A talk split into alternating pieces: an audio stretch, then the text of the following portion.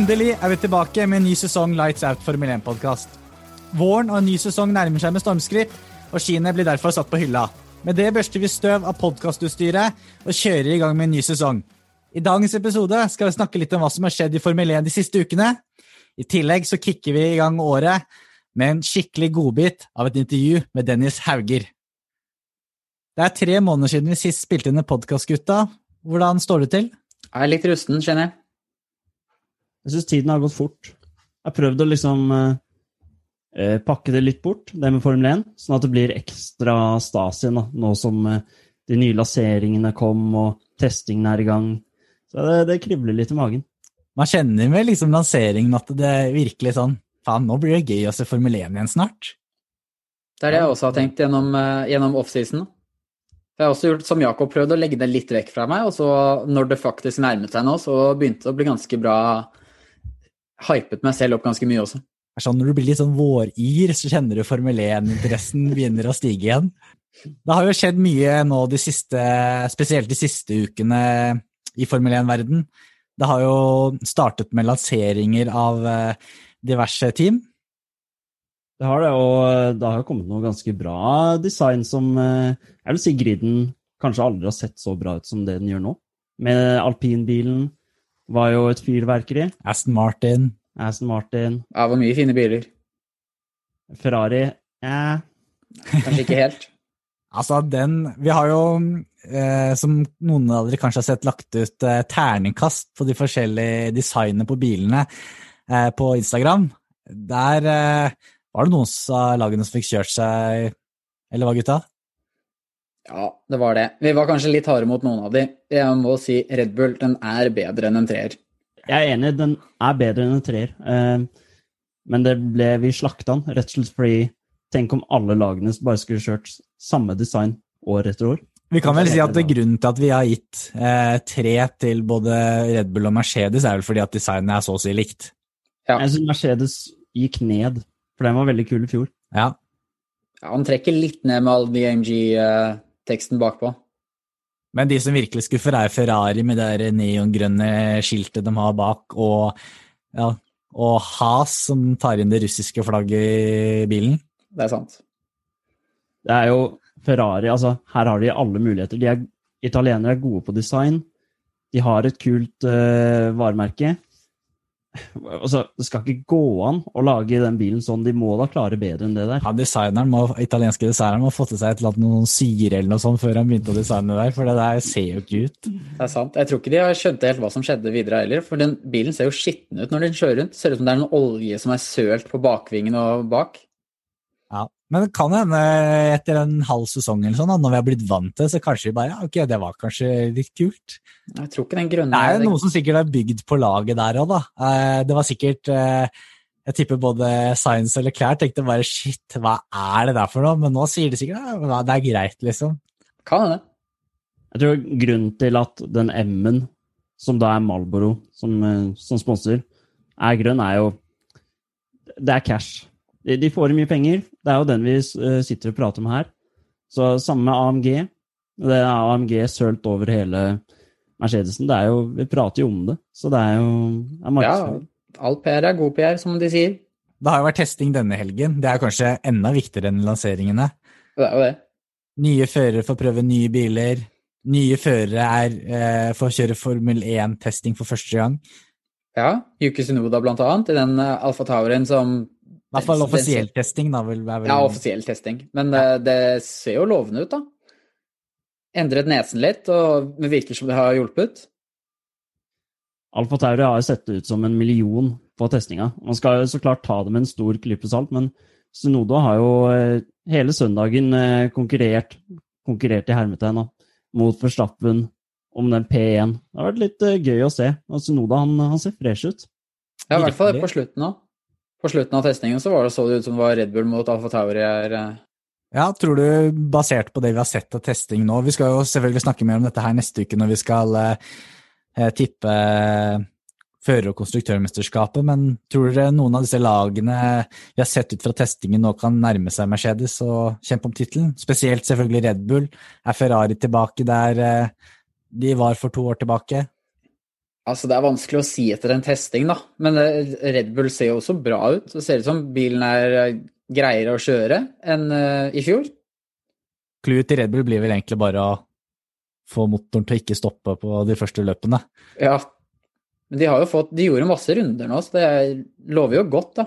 Ja, Men hvis de klarer å få en god sesongstart, så vil jo de ha store muligheter til å kjempe om egentlig begge titlene. Jeg, jeg, tror i alle tidligere sesonger så har de skåret flere poeng eh, siste halvdel enn første halvdel. Ja, Ganske... men nå vet, nå vet, vi jo at Mercedes har, eh, har, egentlig vunnet nesten allerede når man tar sommerferie, da. Ja, det er også sant. De sluttet jo å produsere bilen sånn seks løp inn i fjorårets sesong, så. Eller oppgradere, mener jeg. Og det at eh, Red Bull vant siste løp i Abu Dhabi, er jo litt skremmeskudd. Samtidig så har Mercedes, sånn som dere sa, de starta på den 2021-bilen eh, lenge før alle andre. Eller brukte mye mer ressurser enn alle andre. Um, jo, men du så jo fortsatt også hvor skuffa Mercedes ble da når de faktisk ikke klarte å vinne på, i Abu Dhabi. Det er noe med det momentumet Red Bull på en måte fikk inn i ny sesong da, som ikke Mercedes kan ha. da. Selv om de vant VM. Det er, det er jo litt Mercedes sin uh, filosofi. Ja. De skal vinne alt. Ikke sant? Ja. Men Mercedes nå ser jo De hadde en litt hard testing nå. Selv om eh, det virket som eh, både Hamilton og Bottas sa jo at den var litt eh, Hva var det de sa? Den var utilgivelig på testingen nå. Ja, de sliter med å Det har blitt Altså, nedskjæringene på Danforce har gjort at de sliter med å kontrollere bakenden. er litt, litt vrinstyrig. Så, ja. Og med denne testingen med Hamilton som kjørte i sanda Testingen er bare tre dager. Så det, det, det har nok vært hektisk for Mercedes, eh, tror jeg. Hva, med, hva tenker du om alpin, eller alpine? Altså nye farger, ny, nytt lagnavn. Ny fører. Ny fører. Tror du de kan gjøre det bedre enn i fjor? Jeg tror eh, Jeg vet ikke, jeg er litt sånn blanda følelser. Jeg tror egentlig Airplan kommer til å komme sist blant liksom de midfield group da, akkurat uh, nå. Og det jeg tipper nå, da. Så får vi se når vi har tenkt og fundert litt. Men så dere den uh, luftinntaket de hadde på toppen av bilen sin? Det var uh, spesielle greier, det der. Det har blitt massivt. Ja. De har, de har flytta noe greier oppover, så sier de at det skal være bedre Det skal bli bedre for dem. Også så klart gøy å se Alonso på griden. Vi har Alonso, vi har Raikon, Hamilton det er sterk, eh, sterkt felt. Veldig sterkt felt. Og så et lag vi ga terningkast seks på design. Aston Martin. Aston Martin, ja. Nytt lagnavn, også en ny fører. Tror du Fettel har eh, pumpa hardt for at han skal være klar for en ny sesongstart? Jeg tror han trenger litt eh, innkjøring i den bilen først. Han så jo ikke så lett å kjøre. Han ser mer sofistikert ut nå, uten han skal i bånn-bilen. Ja. ja. Uh, Aston Martin er en bil jeg hadde ganske høye forhåpninger til, egentlig, uh, til uh, sesongen nå. De har jo mye 2020-deler fra Mercedes, så Og de leverte jo på design, i hvert fall. Designet skårer maks. Racing Green, tror du kan gi noe seire, Jakob? Ja, altså, vi får se. Altså, de kopierte jo Mercedes i fjor. Vi får se hva de har lært av det. De har lagt en femårsplan for å vinne verdensmesterskapet. Lawrence Stroll er skikkelig motivert for at det her skal gå. De jobber seg opp mot kostgapen. Red Bull, Ferrari, Mercedes seg, har jobbet seg ned. Eh, så vi får se. Eh, jeg tror i år så må de nok belage seg på å ligge i midtfeltet. Eh, jeg tror nok også Fettel har et ganske realistisk syn på det. Og så får vi se de neste årene med de nye reguleringene. Når det gjelder cost-capen, tror du man merker kommer til å se veldig på det allerede i år, med tanke på at det blir jevnere? Du sier jo Red Bull, Mercedes, Ferrari jobber seg ned, de andre jobber seg opp.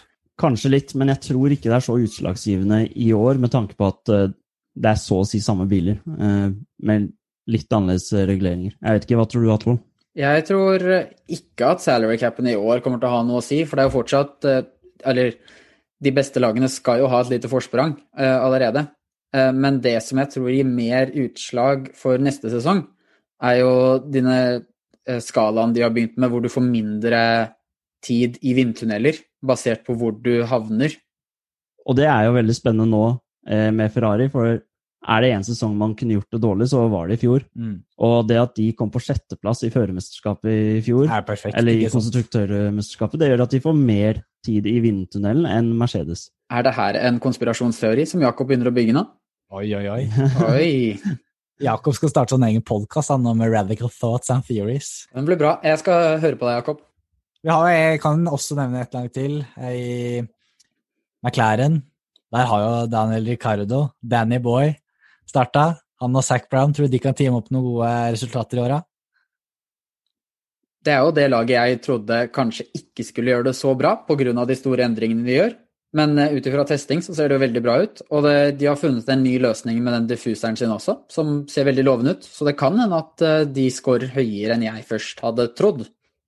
De ser veldig freshe ut, og eh, mange lag har jo hatt mye problemer eh, under testing, fordi det er testing, men det har gått ganske knirkefritt for McLaren, og du ser ikke Jarlo er, er høyt oppe på listene. Norris har ikke fått eh, satt så mange hotlaps, men eh, dette blir veldig gøy, og det blir veldig gøy å se styrkeforholdet mellom Ricciardo og Norris. Hva tror du der, gutta? Nei, jeg, jeg tror Ricardo er sterkest. Eh, så blir det spennende å se om Norris kan heve seg et nivå til. Eh, når han er og kjemper om topplasseringer, så er jo Norris veldig god, men det du så en veldig trend av i fjor, er jo det at når han først sklir litt gjennom, så sklir han veldig gjennom òg. Eh, så det er jo noe han bør kanskje jobbe videre med, da. Å kunne på de dårlige dagene ha høyere kapasitet, da. Men det er jo noe han sannsynligvis vil gjøre med at han blir eldre og mer erfaren. Da. Jeg må si, da Ricciardo gikk til McLaren, tenkte jeg ok, bra, da får de en tydelig første- og andrefører.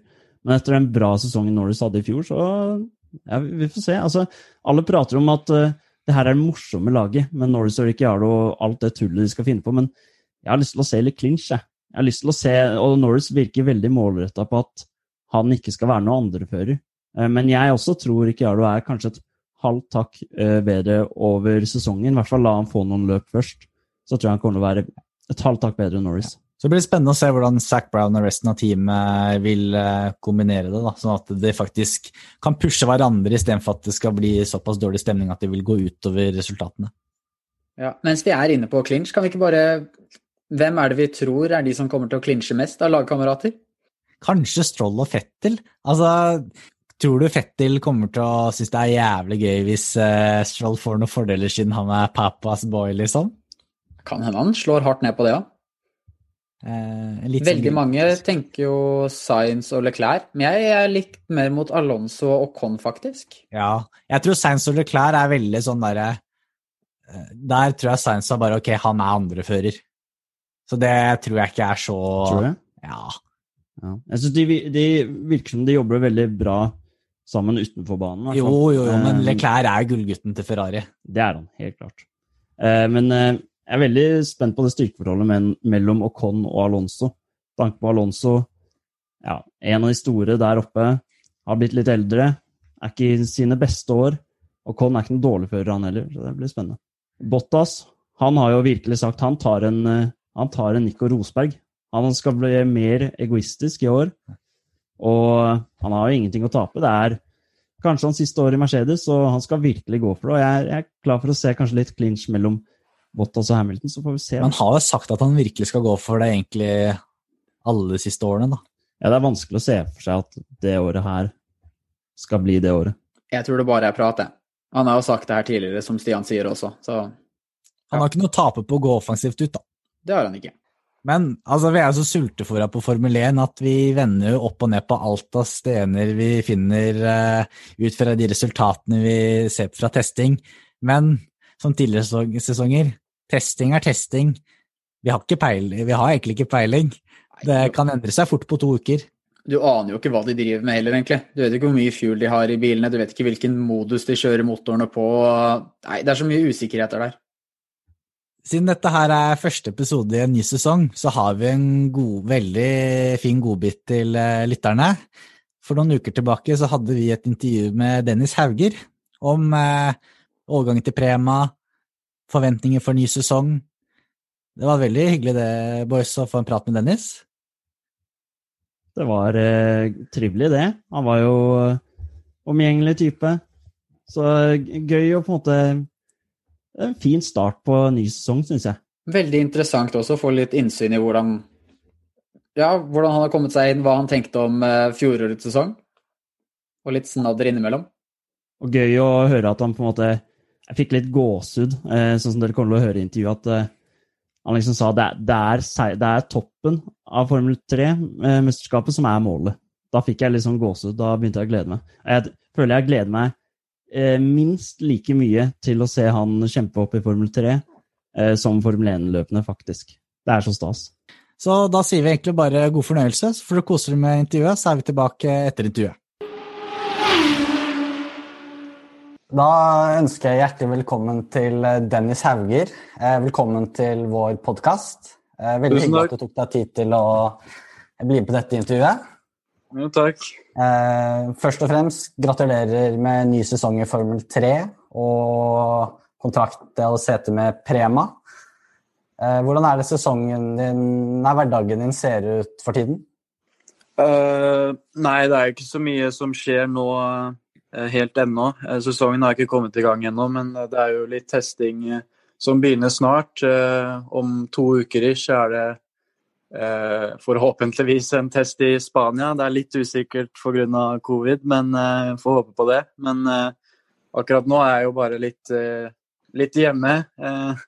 Har ikke vært så mye hjemme i det siste og bodd i England i fjor, så det er deilig å få vært litt hjemme med familie og, og venner, og så selvfølgelig få preppa for eh, sesongen også med litt fysisk trening, da. Eh, ja, det er det det går mest i nå for tiden? Ja, det er trening og, og litt simulator hjemme. Og så har jeg også vært en tur uh, i Italia um, for å kjøre litt simulator der og, og, bli litt bedre kjent med hele teamet, da. Ja, på fabrikken til Prema? Ja. Uh, du endte jo som sagt opp der. Hvorfor akkurat de? De, er jo, de er jo en av toppteamene, og de som har jo hatt ekstremt mye suksess.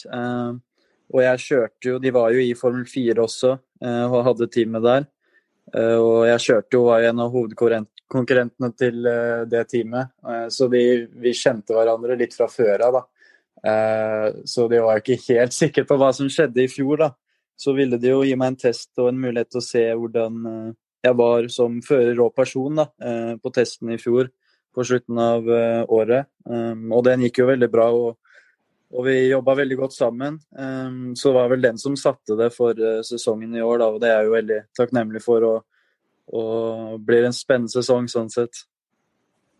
Du har jo kjørt eh, mot begge lagkameratene dine, eh, Ollie Caldwell og Arthur Leclerc. Eh, hvor godt kjenner du de egentlig? Um, jeg kjenner um, Arthur Leclerc kjenner jeg ganske godt. Jeg kjørte jo mot han også i 2019 i Formel 4. Um, og også slutten uh, av 2020 uh, i uh, Formula Regional. Så jeg kjenner han litt, og vi har et veldig godt uh, vennskap og samarbeid, vil jeg si. Um, og foreløpig har vi klart å jobbe godt sammen på simulator og test og sånt. Um, Caldwell kjenner jeg ikke så veldig mye til. Um, jeg har snakka med han litt, men det er ikke en jeg holder så mye kontakt med. Men, uh, men, det er en man kommer til å bli mye bedre kjent med gjennom sesongen. Mm. Og Prema har jo vist seg som kanskje det sterkeste laget, i hvert fall i fjor. Um, hvilke målsetninger har du for i år? Det er definitivt å komme på toppen i mesterskapet. Det blir jo en veldig avgjørende sesong for meg sånn sett i år. Um, og viktig å, å, være i toppen og vise. Og nå er jeg med Prema, som jeg vet kan levere for meg, og vi kan jobbe bra sammen. Eh, og føler jeg kan jobbe veldig bra med dem i forhold til hvordan jeg vil ha det på bil og, og alt sånt, som kanskje ikke var så lett i fjor, eh, men kan virkelig jobbe sammen mot eh, det målet i år. Da. Og ja, det blir en spennende sesong, jeg har troa. Det har jeg. Jeg må bare spørre, Har du noen faste rutiner før løpet? Du ser jo på Instagram til veldig mange av eh, Formel 1-førerne, så driver de og trener opp, styrker opp nakken, varmer opp med sjonglering og sånt. Ja, jeg har, eh, mine, jeg har sånne faste rutiner som um, vi bruker. Det er jo litt mentalt og litt fysisk, da, men vi bruker jo fysisk strikk og en del mye sjonglering. eh, inntil vegg eller eh, bytte på forskjellige teknikker der. Og litt sånne egen, egenvektstreninger, bare. Uh, som man går gjennom, som er litt sånn fast rutine før, før man går på griden. Da. Um, så har, vi også, har jeg også en del uh, mentale forberedelser. Da. Vi har jo også å se på data og alt sånt, da. men man går gjennom hodet og ser gjennom situasjoner før start. Da. Det gjør man jo. Ja. Har du noen overtroelser som du tror på? Som du pleier å gjøre før samme type sokker eller et eller annet uh, sånt? Nei, jeg, hadde jo Når jeg var mindre, så hadde jeg, hadde jeg sånne sokker med norske flagg på. Ja. Uh, men uh, når man kjører i Italia og det er 45 grader, så var det ganske varmt med de ullsokkene. Så det, ja, det, fun det funka ikke helt lenger da. Men jeg har et skjede som jeg alltid har på, på løp, som jeg har fått av familien, da, som er en sånn lykkeamulett, så den har jeg på alltid. Det er ikke sant å ta på høyre sokk, nei, sko først? Nei, jeg er ikke, jeg er ikke, helt, jeg er ikke helt, der, nei. nei. Er det noen spesielle sanger før løp eller et eller annet sånn for å komme i ordentlig mood? Eller? Um, ja, jeg har jo Jeg har jo um, Det kommer litt an på hvor jeg starter. Hvis jeg starter langt foran, så er det ofte jeg har på litt sånn rolig akustisk musikk for å bare holde pulsen nede og holde fokuset eh, på hva jeg skal gjøre. Og hvis jeg f.eks. har hatt litt dårlig kval, da, så er det ofte eh, rock. Eh, noe skikkelig heavy metal eller noe som, eh, som, det går i for å få opp eh, psyken litt, da. det er kult. Men eh, vi kommer oss ikke helt uten å snakke litt om fjorårets sesong. og Det var jo en sesong med både oppturer og nedturer. Det var jo også en, en veldig vanskelig sesong å starte i, med tanke på covid, og dere fikk jo mindre testinger. Ja, det var også en sesong der mange norske fans og eksperter hadde store forventninger til eh, deg og hvordan du skulle gjøre det i din sesong i Formel 3. Hva var dine egne ambisjoner? Nei, jeg hadde jo eh, selvfølgelig gode forhåpninger mot sesongen som var. Eh, og det, det var jo ikke i nærheten av det jeg ville det skulle være og det jeg ønsket. Og jeg, og jeg vet at jeg hadde kapasiteten til å være det oppe med, med, det, med det riktige rundt meg. Da. Det var jo litt vanskelig å få riktig innstilling mot bil og sånt for å kunne være 100% confident i egen bil. Da. Eh, når det går så mye på marginer og detaljer i hundredelene, så, så er det ikke lett å, å, å, utnytte de hundredelene hvis man ikke er 100 confident. Da. Eh, og det var jo mye bak alt det, men eh, man kan ikke akkurat si detaljene heller, da. Men nei, det var ikke, det var ikke lett gjennom hele sesongen. Uh, og jeg fikk jo en opptur f.eks. i Budapest, da, men uh, det var jo igjen under vått, og da er det mer fører enn uh, en bil, holdt jeg på å si. så da fikk jeg i hvert fall vist meg, vist meg der, da, men litt vanskelig. Så det var ekstremt godt da, etter, etter test med Prema på slutten av sesongen, der jeg kunne, kunne jobbe med og fikk bilen som jeg ville og kunne faktisk vise hva jeg var god for. Da. Så det var også en lettelse for meg, da. Ja, ja. Ikke sant?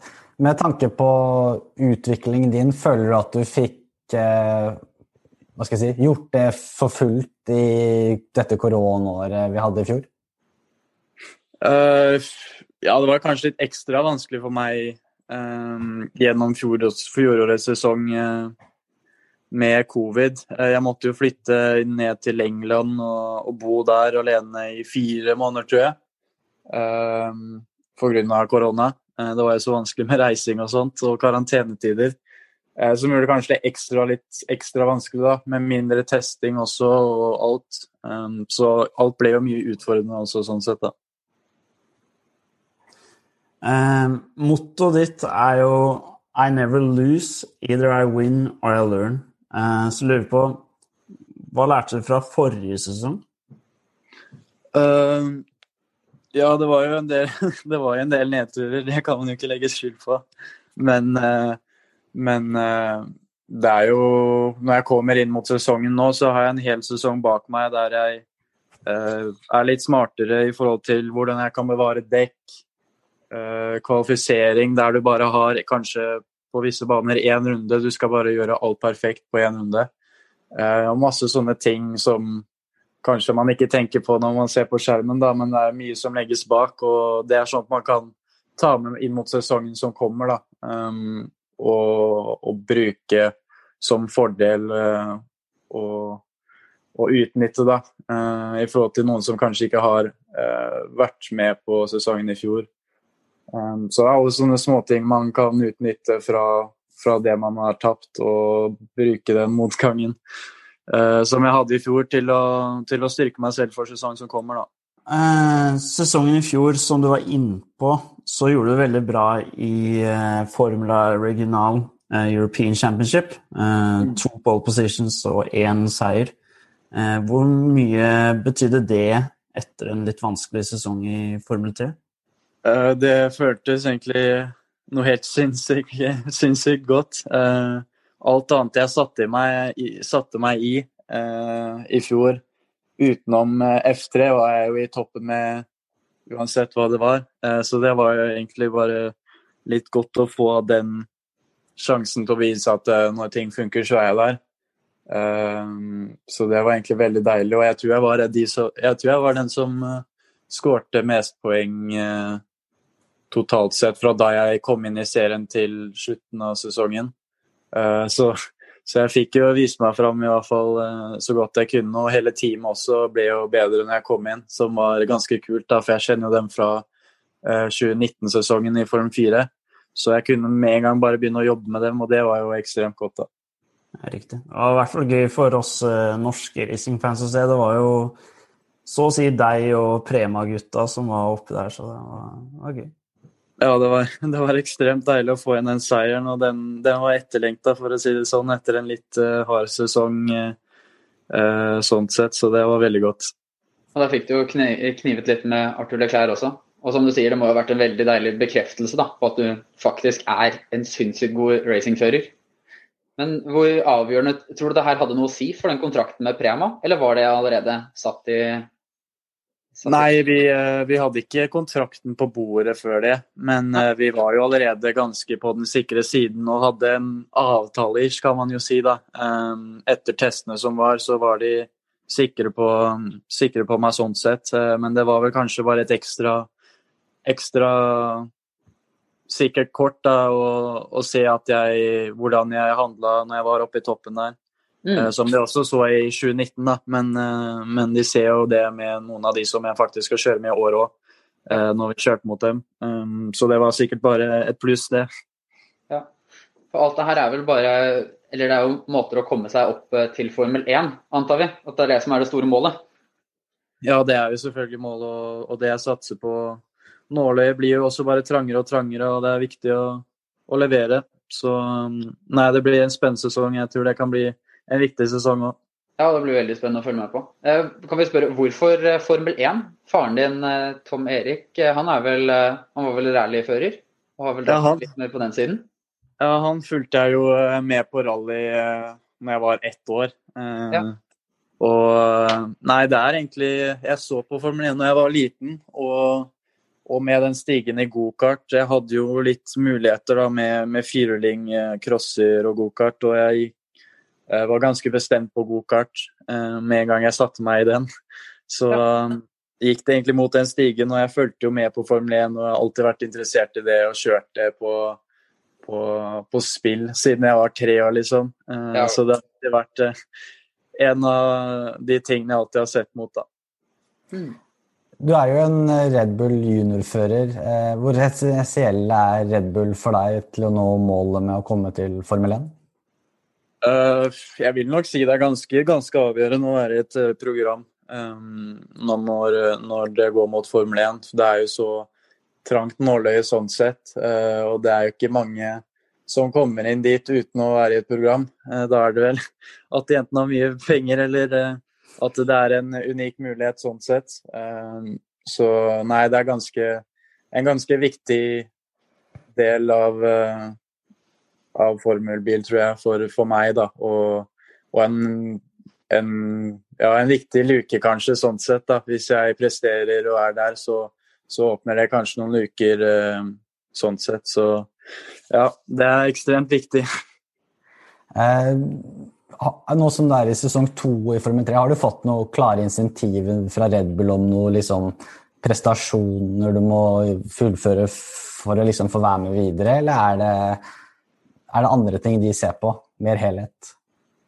Nei, altså De ser jo på en helhet òg, men de vil jo selvfølgelig ha resultater. og Jeg har ikke fått noe um, beskjed ennå hva, men jeg får, nok det plutselig av hemmelt Marco, kan jeg tenke meg. da. Uh, men uh, nei, jeg vet jo hvor jeg må. Jeg må være oppe i toppen og prestere og få de superlisenspoengene også. Uh, kommer jeg jo topp tre for sesongen, så har jeg nok også til å eventuelt teste eller kjøre Formel 1 også. Um, så de ser også veldig på det i forhold til superlisenspoeng. Um, mm. Hvor ofte snakker du med Red Bull og Helmet Marco? Uh, det er ikke på daglig basis, så er det ikke så mye. Det er mer, det er mer når man kommer inn mot sesongen og sånt. Uh, så man har en del samtaler med Helmut f.eks. før og etter løp. Uh, og så må jeg også skrive e-mail til til Helmut som, som type report uh, etter hvert løp, uh, for å bare få litt mer inside om hva som skjer. Uh, men det er mye mer knyttet mot teamet gjennom en løpshelg, f.eks., da. som man kjører for en Form 3. For oss racingfans så virker jo Helmut veldig ja, si, litt krass og veldig direkte. Vi har hørt historier fra Landon Norris, som på en måte nærmest ble utspurt sånn i sin tidligere alder. Um, er han sånn med dere gutta, eller? Ja uh, Nei, det, han er jo Han er ikke den uh, Han sier det han mener, det kan man jo si. Uh, det er ikke sånn at han legger skjul på noe hvis det går dårlig. Det er ganske, det er ganske brutalt sånn sett, men eh, det er en del av gamet, og, og det er sånn det er. Så det, man kan ikke si noe på det. La oss si at uh, du føler du har gjort et veldig bra løp, men laget har uh, ført en dårlig strategi eller feil dekktrykk, eller, eller hva enn det er. Uh, tar han det i betraktning? På en måte, hører han på det, eller? Ja, han, han skjønner jo, han har jo vært innen inne i denne sporten så lenge, og han skjønner jo det. Det var jo f.eks. bare i Budapest, når det gikk bra. Ehm, så var det jo dekktrykk som eh, var en av kanskje delene som gjorde at det ikke ble en seier eventuelt. da. Ehm, og det så jo han, og det skjønte han også. Ehm, så han var eh, mer glad for at jeg klarte å holde plassen min og, og forsvare meg sånn som jeg gjorde, og vise modenhet i kjøringen min. Eh, så han ser på helheten sånn sett gjennom et løp, det gjør han. Og det er jo bra og viktig også, da. Ja, for det var jo virkelig et lyspunkt i sesongen. Da leder dere ganske lenge. Det var jo Ja, ja det var litt det var jo litt synd samtidig, for jeg hadde jo et veldig bra pace, men så hadde jeg for eh, høyt lufttrykk til hvor mye banen tørket seg, um, som gjorde at det ble varmgang i dekkene, og da da mista jeg jo grepet, eh, og da var jo da de begynte å ta innpå. Så jeg prøvde jo å holde han så, så lenge jeg kunne med, med, de triksene jeg hadde, men uh, det var jo så så lenge det holdt, dessverre. Men uansett så fikk jeg vist, uh, vist, hva jeg kunne, da, og det tror jeg var viktig. Vi er jo en Formel 1-podkast, så jeg har lyst til å stille deg litt spørsmål knytta til Formel 1 også. Okay. har du en favorittbane men gjerne kjent eh, både som du liker å se race på, og som du selv har kjørt. Nå har du jo kjørt en del av banene de bruker. Um, jeg eh, vil nok si i hvert fall en av favorittbanene som bare teknisk kjøremessig, kanskje ikke i forhold til løp, men bare kjøre på, uh, vil jeg nok si Mugello, en av de kulere banene. Ja. Uh, det er jo en bane som er veldig teknisk, og en bane jeg liker fordi den er teknisk. da. Eh, det er så mange forskjellige elementer der. Eh, hvis ikke, så vil jeg nok si spa, kanskje, er en av de kulere banene jeg har kjørt. Og er en av de mest historiske banene jeg har kjørt. Ja, også en av de eh, banene som er sinnssykt morsom å se løp på også. Ja, akkurat det. Så er det jo også en bane som mest sannsynlig blir kjørt i år, og det er jo i Austin i USA. Mm. Som jeg ikke har fått kjørt i virkeligheten på ennå, men uh, det er en bane jeg alltid har hatt lyst til å kjøre og alltid har sett på og syns er veldig kul. Så uh, det blir jo spennende også da å få prøvd den. Men eh, som en Formel 1-fan, som som du, Formel 1-fan, som du høres ut som du er, har du noen forbilder? Uh, Ja, når jeg var mindre, så fulgte jeg veldig mye med på Schumacher og Fettel. Uh, Mm. Fettel var jo han jeg så på når han vant eh, VM med Red Bull. Eh, så var jo jeg bitte liten og fulgte med med, med smokk i munnen. Eh, og Mikael også var jo litt før min tid, men, eh, men har alltid sett på videoer og fulgt med der òg. Um, så det er vel en av de to når jeg var mindre som jeg først fikk øye til. Da. Eh, Så har vi også Max Verstappen som jeg veldig fulgte med på når jeg- jeg kjørte karting og sånt i VM. Uh, og det var en av de jeg så på når jeg var litt eldre, da, og så oppover i stigen der, og da var jo han der. Og det var ekstremt kult å følge med på, da. Ja, det tror jeg på. Hvem sin kjørestil vil du si du, din ligner mest på? Eh,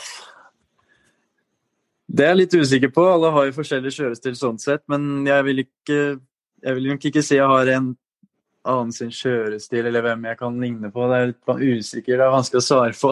Ja, Men eh, jeg vil nok si jeg er en ganske smooth kjørestil, da. Sånn Ja. sett. Det har vært Eh. veldig mye snakk om eh, Fettel, at han ikke likte Ferrari-bilen siden den var litt Den var ikke så stabil bak. Hvordan liker du en stabil bakende, holdt jeg på å si? Nei Nei Nei, altså Det var jo en av problemene i fjor, var jo at eh, det var for stabilt bak. At jeg ikke fikk rotert bilen nok. Eh, Og jeg, sånn sett så er jeg en som liker å ha litt rotasjon eh, Mm. i, bak. Så, så nei. Det, det varierer egentlig, men nok Ja. rotasjon liker jeg å ha. Ja. Kjenner du noe på frykten i Formel 1 og motorsport generelt? Eh, Ref til Grosjean-krasjen i Bahrain, f.eks. Uh, ja, eller man får jo litt sånn aha-moment, da. Fordi det tror jeg alle får, når man, alle de som kjører får det, tror jeg. Uh, det er jo vært uh, noen ting som Antoine Hubert som døde i spa. eh, Billy Monger som, døde, som uh, mista to bein året før jeg kjørte britisk F4. Mm. Så det har vært sånne opp igjennom så man tenker litt som, man får litt sånn aha-moment, da. Men uh, man kan liksom ikke tenke på det for mye, for man vet risken er der. Men man må fortsatt ligge på limiten med det, med det man har, og, og pushe uh, det lille ekstra. Så det er egentlig ikke en frykt man kan sette i seg selv, for da, da er det større sjanse for at det går galt, sånn sett. Du tenker aldri på det i løp? Tette dueller, eh, slutten av langstrekker? Eller? Nei, det er noe man aldri, eller i hvert fall jeg aldri har satt i hodet, da. Det er ikke, det er ikke en riktig mindset da. Eh, og da da er det jo fort man eh, mister en plass eller to når man setter et sånt fokus i, i hodet, da, tror jeg. Og da, da klarer man ikke å pushe det lille ekstra som man må for å komme seg opp i toppen, da. Eh, Formel 1 i år de har jo gjort noen endringer, og til sammen så er det jo Det er ikke 2021-reglene, men det er jo potensialet der for, noe, for å gi noen utfall. Eh, hva tenker du om sesongen i år? Er dette året til Max Verstappen? Ja, jeg vet ikke. Det hadde vært eh, veldig kult å se. Spesielt Verstappen tror jeg er en av de bedre på griden i år. Mm. Eller i, i disse tidene. Og jeg tror hvis det er noen som kan utfordre han, så er det nok eh, Verstappen som klarer å utfordre Hamilton. Eh, men vi får se. Det blir spennende med de nye eh, med de nye reglementene også eh, Mm. etter hvert. Men eh, ja, det blir spennende å se i år. Jeg håper han kan eh, opp, være oppå der. Men jeg tror han hadde, han hadde jo tatt andreplassen i mesterskapet hvis han ikke hadde hatt så mye eh, krasjing og bryting. Ja, han hadde jo litt uflaks med motoren innimellom òg. Ja, så, så nei da, jeg tror farten, han, farten hans er der ofte. Så det handler jo bare mer om å få den jevn- jevnheten over hele sesongen nå. Mm. Ja, det blir spennende år. Vi gleder oss i hvert fall veldig. Ja. Jeg tenkte avslutningsvis å ta en litt sånn utenom eh, racing og ta en litt sånn fem kjappe. Um, da tenkte vi å starte med favorittband slash artist. Eh, eh, jeg er veldig usikker på hvilket favoritt Jeg har ikke noe spesielt favorittband, og sånt, jeg si, men jeg liker, eh, Eh, litt forskjellig type musikk, som rock og akustisk eh, musikk er en av de to tingene jeg hører mest på. Det kan jeg si. Ja. Eh, livrett. Eh, bakt potet. Oi, det er sånn som deg, det, Ja, det er godt, det. Ja. Det må til. Drømmebil. Uh, ja, jeg har ikke fått lappen ennå, så det, det har ikke vært i bakhodet helt ennå. Men uh, kanskje en uh, Porsche GT2 RS Clubsport. Det hadde vært en fin Det hadde vært en drømmebil for en uh, 18-åring. Ja. Ja, vi har sett Når jeg blir 18, da. Ja. Er, vi har sett mye på Instagrammen din. Der publiserer bilder med Porsche ofte.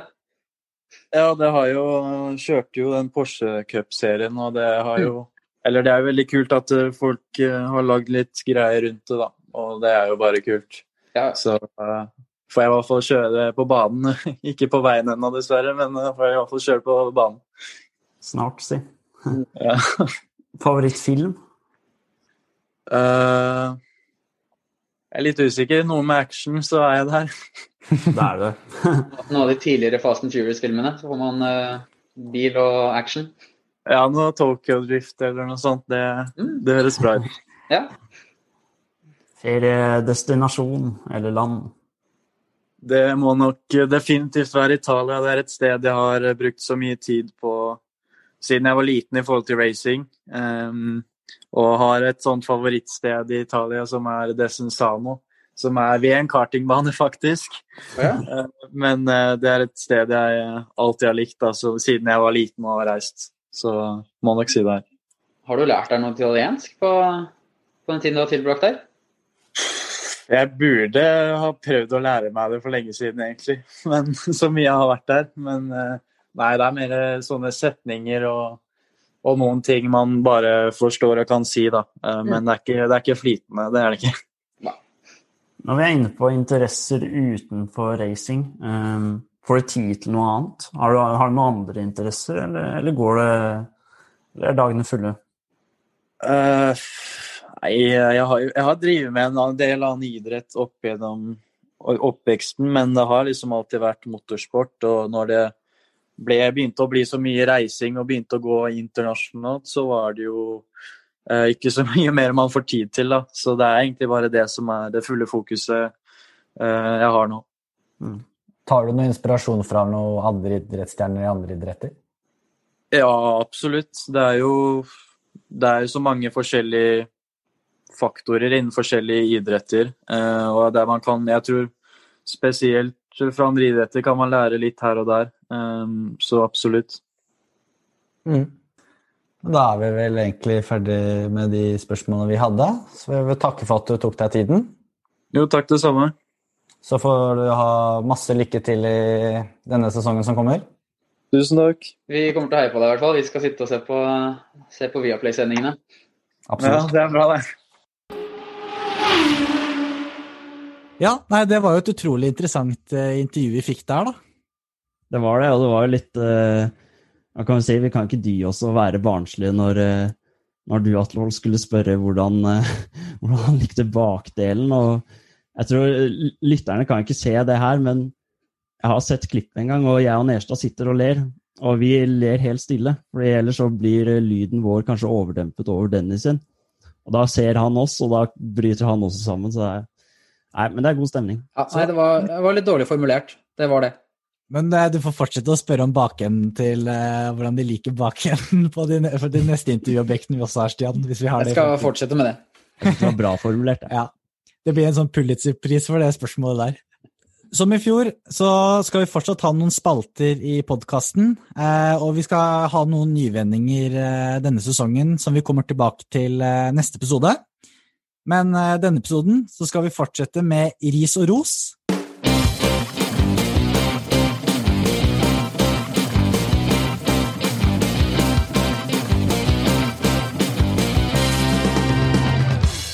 Ris og ros. Så Jakob, du kan eh, starte med din eh, ros. Nei, ris. Ris. Ris, Vi starter som vanlig med ris. Ja, da har jeg en eh, ris, og jeg vil si det her er et eh, litt annet kaliber enn det vi vanligvis riser. Jeg vil eh, først starte å rise, og det gjelder eh, Formel E-løpet, som var i Saudi-Arabia mm, for noen uker siden.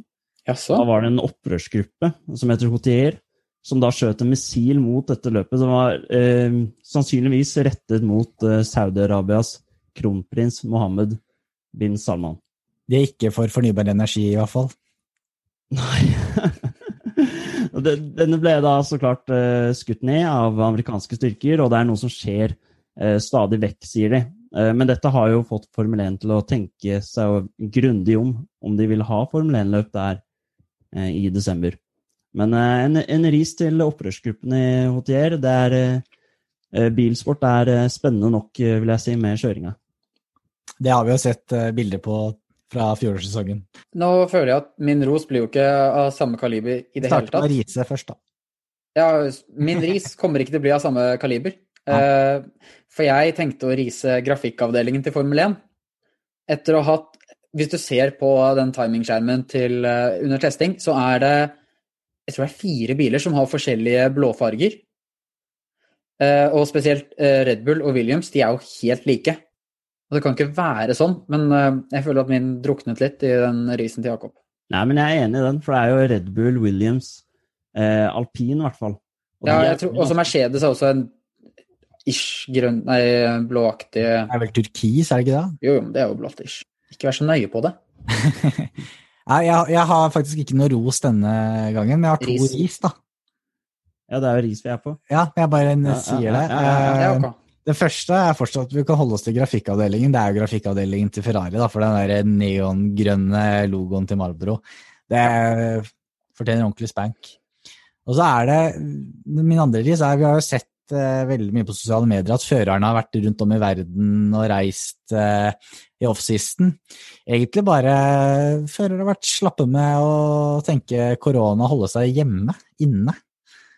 De har vært overalt, virker det som. Mange av de. Ja, og til og med Verstappen har jo fått den vaksinen. Koronavaksinen. Så Ja, når, når jeg er inne på at de har vært uh, ute og reist Vi har jo sett Hamilton, han var i Colorado. Jeg viste fram ganske fin langrennsteknikk der med padling. Men ja. jeg kommer til det i ros. Jeg har sett Daniel Ricardo også drevet og trent i LA. Det er ikke der han har tilholdssted, veit jeg. Så det gikk bra, det der Formel 1-boys. Holde seg nede på jorda. Ja, riktig. Da kan vi gå videre til skal vi eh, ikke kåre? Jo, vi må kåre. Det er, Har du glemt alt, du? ja, ja, det var tre måneders pause, så glemmer man alt, vet du. vi starter med å kåre ukens ris. Jeg vil gi min stemme til eh, Jeg syns Jakob sin var litt for hard, så jeg vil gi den til eh, Nerstad sin. Den spesielt reisingen. Ja, At de, de trår ikke helt eh, sammen med oss andre, da. Oss litt mer jordnære folk som er stuck i landet vårt. Jeg må si den eh, jeg, jeg må si den grønne M-en der. Den tar kaka, altså. ja er det jeg som får bestemme, da, eller? Du får avgjøre. Ja, vi tar den grønne M-en. Ja. Ferrari, fy skam dere. Årets første ri, eh, ris, ja, til eh, Ferrari. Vi får håpe de endrer det før sesongstart. Da går vi videre til ros, da. Ja. Starte- Du kan starte der også, Jakob. Ja, jeg var jo innpå det, avbrøt deg litt, med Hamilton. Viste fram bra eh, langrennsteknikk. Til å, altså, til å være ny på det der, så må jeg si det var uh, helt nydelig. Så hvis dere, den kan dere se på Louis Hamilton sin, eh, sin Instagram. Det var, en fin padleteknikk. For vår også, for så vidt. Vi la den ut der. Jeg vil si OK minus padleteknikk. Ja, men til, til å være ny på det. Brite, liksom. Stian, har du noen ros i dag? Der du uh, ikke har én, så har jeg faktisk to. Uh, jeg har Ja, én ikke sant? Det jevner ut. Ja, en ros til Walter Valtteri Bottas for litt eh, banter med Max Verstappen. Eh, På en pressekonferanse der så satt han i det de kaller P3-setet, der den normalt ville vært. Og Da snur han seg til Max, og så sier han 'Jeg har setet ditt'. Litt sånn vennskapelig batter mellom dem. Spørsmålet er jo om kanskje Valtteri får den, eh, det setet i år, da. Og så, som dere vet, så gikk jo Murray Walker bort eh, nå nylig. Ja. Eh, og der i, derfor har jeg lyst til å rose han for eh, kommentar, kommenteringen han gjorde, eh, gjorde av løpet i 2007 på Nürburgring, hvor fem biler bare kjørte ut av veien, og det var bare kaos. Bare den. Altså, han har jo sinnssykt mange fantastiske, jeg bare valgte en av de, og det her er den jeg vet best om, da. Jeg har faktisk en eh, ros allikevel, når jeg kom på noe. Eh, jeg tror god den er, men Will Buxton han har jo begynt å lage en egen videoblogg. Uh, åpner opp om litt historier, inside information og sånne ting, og tanker om Formel 1, og det er kult å høre på. Ja, det er fin, den kanalen. Ja. Ja. Åpner opp Formel 1 for flere. Så det, det er veldig bra. Skal vi kåre? Det får vi gjøre. Vi må kåre. Jeg må si for meg så kanskje det faller inn på Murray Walker. Ja, den, kan, han kan få den, også, Det er helt greit. Jeg Ja, syns det- jeg fortjener en, eh, fortjener en når en sånn legende går bort. Det er eh, Det var noe med kommenteringa hans, eh, så klart. eh, Det er en stund siden han kommenterte, men ja, bare hvis eh, biler krasja, så var det på en måte det, det mente han det var fantastisk. Det her er jo helt fantastisk. Han var eh, nei, stor kommentator og kommenterte Senna, Mansell og Schumacher og Han er, Ja. ja. han er også kjent for å si feil i, eh, når han kommenterer, og det gjorde han egentlig bare litt eh, søt og ja, lettere å følge med han, da, på en måte. Ikke sant? Ja, men da har vi runda ukens ris og ros, da. Du er jo så glad i å gi blomst, Nesla. Skal vi gi blomst til eh, Alonso og kjeven hans, eller? Ja, det kan vi gjøre. Ja, han var jo ute på sykkeltur og krasja. Ja. Kan gi en liten blomst til han. ja, men da er vi vel eh, i mål med sesongens første episode. Kan legge til at du ønsker deg litt eh, påfyll av Formel 1 gjennom uken, så er det bare å følge oss på Twitter og Instagram. Jakob? Det er det. Eh, bare søk oss opp. Lights Out eh, Nord heter vi der. Ja. Vi kommer jo også med ny episode Allerede neste uke. Yes, hvor vi skal eh, tippe konstruktørmesterskapet. Og vi skal prate om Drive to Survive, som kommer ut på fredag. Veldig mye å snakke om eh, neste uke allerede. Eh, og vi gleder oss til sesongstart om to uker. Absolutt. Da ses vi igjen om en uke. Ha det bra! Ha det. Ha det godt.